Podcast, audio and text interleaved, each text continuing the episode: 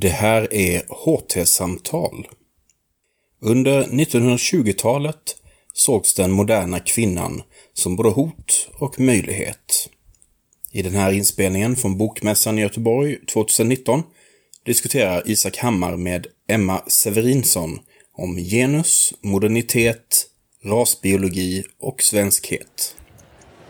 Då så eh, fortsätter vi vårt program med forskarsamtal här med eh, Emma Severinsson eh, och hennes avhandling Moderna kvinnor, modernitet, femininitet och svenskhet i svensk veckopress 1920 till 1933.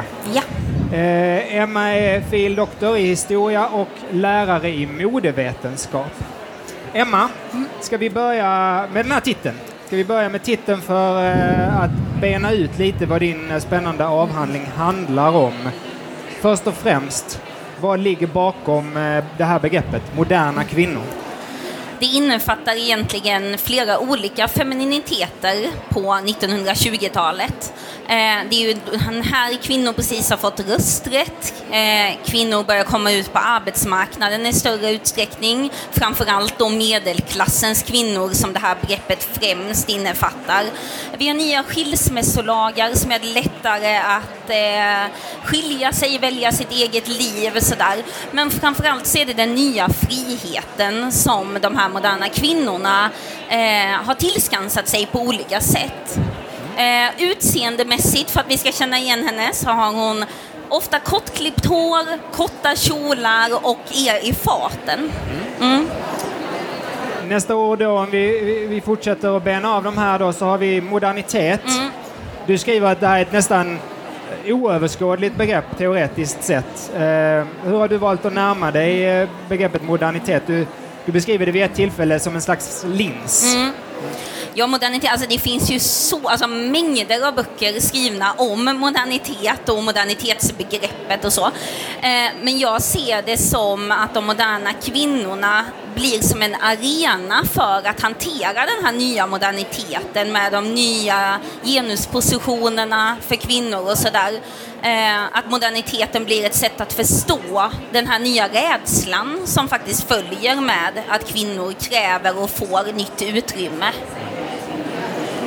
två följande orden här är då feminisering, feminisering och svenskhet. Mm. Vilken funktion fyller de här två begreppen i din avhandling?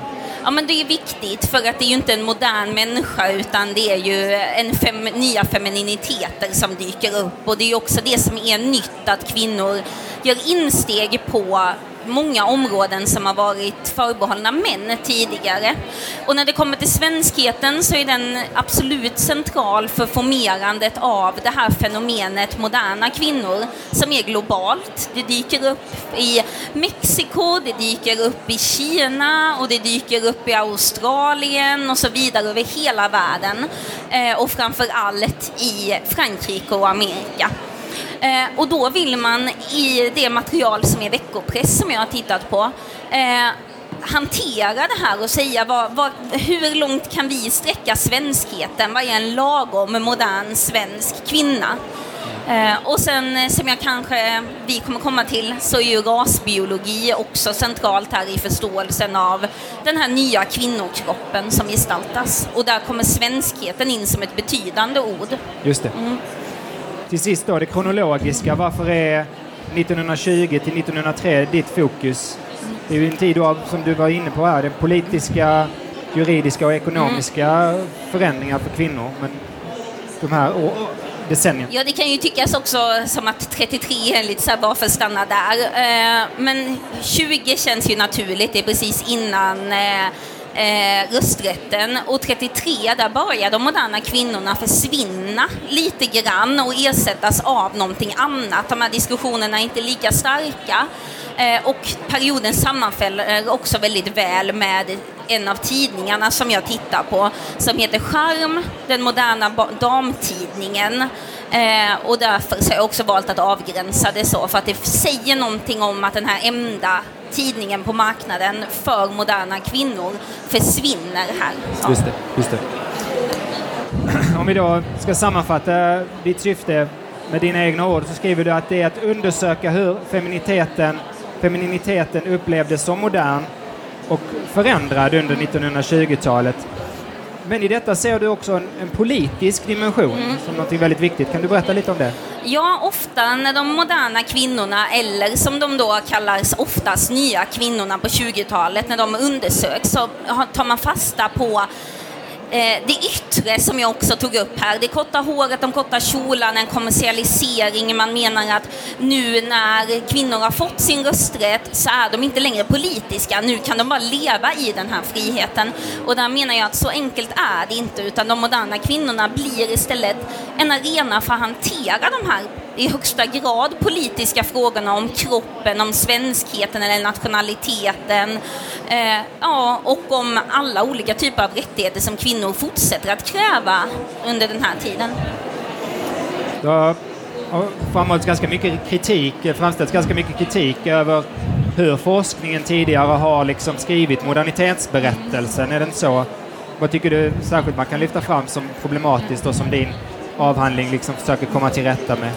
Ja, men där handlar det ju mycket om att de moderna subjekten har varit män i modernitetsberättelsen. Det är männen som har drivit utvecklingen framåt. Men nu när jag tittar på ett material, då, veckotidningar, där kvinnor kom till tals och där kvinnor fick göra sig hörda på olika sätt, så formeras den moderna människan istället som en kvinna. Att det är männen som är bakåtsträvande, det är männen som är traditionella, det är männen som inte vill utveckla moderniteten då, om man ska uttrycka det så. Du nämnde ditt material här och eh, detta bygger på en mycket gedigen materialgenomgång och analys. Kan du berätta lite om ditt material och inte minst om, om charm då som, som, som den här tidskriften? Ja, det är, alltså, det är ett väldigt spännande material att få eh, hålla på med i så många år. Eh, veckotidningarna under den här tiden var en arena för kvinnor att mötas och diskutera. Man hade mycket insändarsidor, man kunde skriva in till experter. Eh, min favoritdel är då kvinnorna som skriver in och undrar om de ska gifta sig eller inte, om det, man ska ge upp friheten. Och så blir det debatter om det här. Eh, så att man skulle kunna jämföra det med dagens eh, internetforum. Eh, veckotidningarna hade ju en enorm betydelse här, inte minst för kvinnor som inte kom till tals i dagspress på samma sätt. Och det var också en enorm spridning. Vi har inga exakta siffror, men man tror att husmodern runt 1930 såldes i eh, 100 000 exemplar och att det förmodligen var fem gånger så många som läste varje nummer. Vi hade ju inte TV, det var liksom eh, det var den underhållning som fanns om man skulle hålla sig liksom i hemmet också.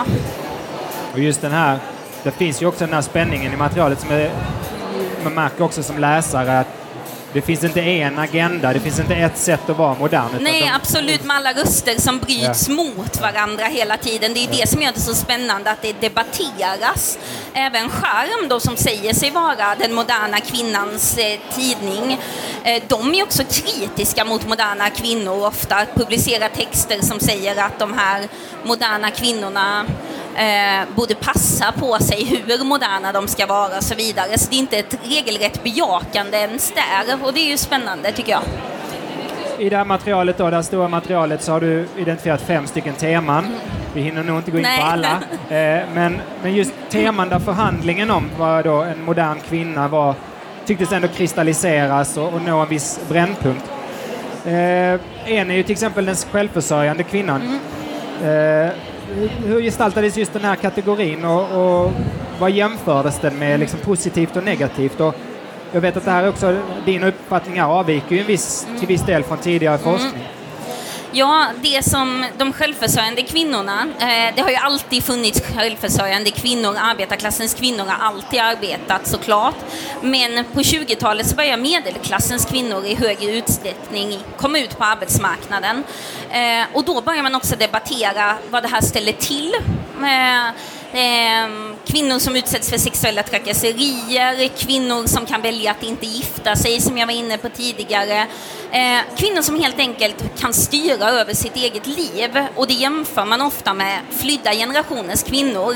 De kvinnor som bara fick vänta på en man, bo kvar i hemmet, eh, och vars liv helt enkelt inte kunde utvecklas om de inte blev gifta. För då skulle de stanna hemma och bli en gammal ungmö. Eh, så nu är det ju en helt ny möjlighet här som dyker upp och samtidigt utmaningar att vara en självförsörjande kvinna till exempel på kontor med den kritiken som kan uppstå och så.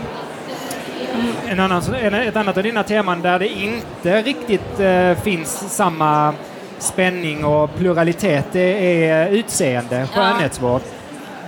Där är, det ganska, där är det däremot ganska entydigt och för oss också väldigt konservativt mm. egentligen det synsätt som fanns i, i kör. Man skulle göra sig vacker för männen i den här liksom väldigt traditionella Ja, absolut. Och i en skärm framför allt, och det som jag då kopplar till rasbiologi, eh, så fanns det detaljerade tabeller där det stod vilket mått man skulle ha på sin handled, eh, runt sin ankel, runt nacken nacken och så vidare i relation till längden och vikt idag. Eh, då.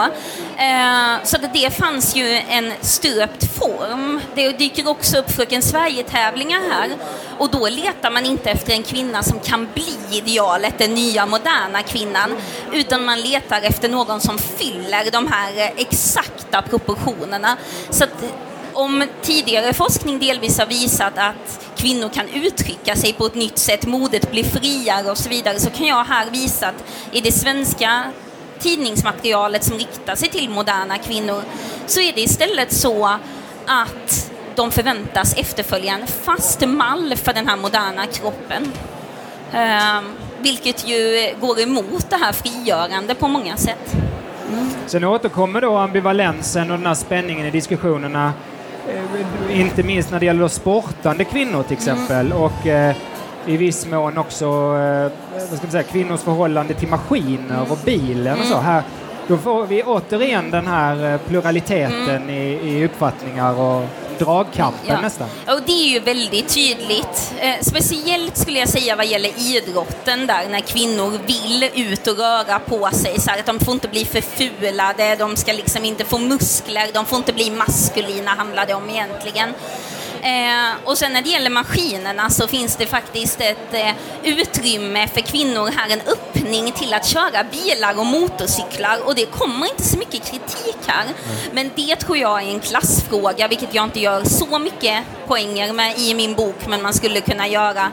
För det är ju inte så många kvinnor som kan vara ute och köra liksom bil och tävla med bilar och så som bejakas väldigt starkt här. Det är nästan som en fantasi som man ja. kan få lov att och liksom bejaka. Ja, i paritet med liksom Hollywoodkändisar eller sådär, att de blir nästan så onåbara på det sättet.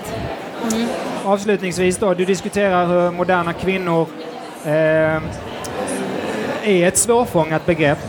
Eh, och eh, det pågick just den här kampen om representationer mellan negativa och positiva beskrivningar eh, av vad det innebar att vara en modern kvinna. Hur tolkar du den här dubbelheten eh, i, i Ja, men det handlar just om en förhandling här, att hur mycket frihet ska kvinnorna få?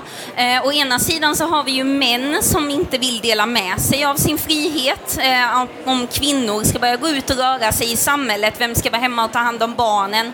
I förlängningen kommer det ens födas några barn i Sverige? Det börjar man också oroa sig för starkt här. Eh, Å andra sidan de här kvinnorna som inte vill något annat än komma ut och få vara jämlika. Men det är inte så enkelt heller att det bara är män som skriver att kvinnor inte ska utnyttja sina nya friheter. Utan det är lika stark eh, starka röster från kvinnor som menar att vi måste bevara det evigt kvinnliga inne i oss. Vi kan inte börja bete oss, se ut som män och så vidare. Så det är hela tiden den här spänningen och debatterandet och formerandet av det moderna som gör det här spännande. Eh, och jag hoppas att jag i den här har lyckats fånga den här dubbelheten och ändå fånga de moderna kvinnorna på samma gång. Men det har ju varit det som har varit svårast faktiskt och som jag har funderat mest på under de här åren. Kanske kan man ändå säga att du, du landar lite i att just det är friheten. Friheten är liksom det centrala här för dig mm. som ett slags analysingång och, och liksom den analysen. Hur vill du sammanfatta de resultaten i ljuset av just frihetsdiskussionen? Jo, men där handlar det ju om friheten både att få röra sig fritt, att göra sina egna val, att gifta sig eller låta bli att gifta sig. Eh, också en rörlighet, att kunna resa runt fritt, att eh, ha en fritid, att umgås med väninnor till exempel kommer fram som en väldigt stark frihetsmarkör. Eh, och att få använda sin kropp. Inte så mycket kritik mot skönhetsidealen, men när det gäller att få idrotta och utveckla en styrka i kroppen så finns också den här friheten. Så jag skulle säga att friheten liksom ramar in de moderna kvinnorna. Utan de diskussionerna så skulle begreppet bli tomt på något sätt. Avhandlingen, boken heter alltså Moderna kvinnor, modernitet, femininitet och svenskhet i Svensk veckopress 1920 till 1933 och den finns till försäljning eh, via eh, Lunds universitets eh, hemsida samt även eh, Open Access. Mm. Tusen tack Emma för att du kom hit och pratade med oss om denna spännande bok. Tack för att jag fick komma hit.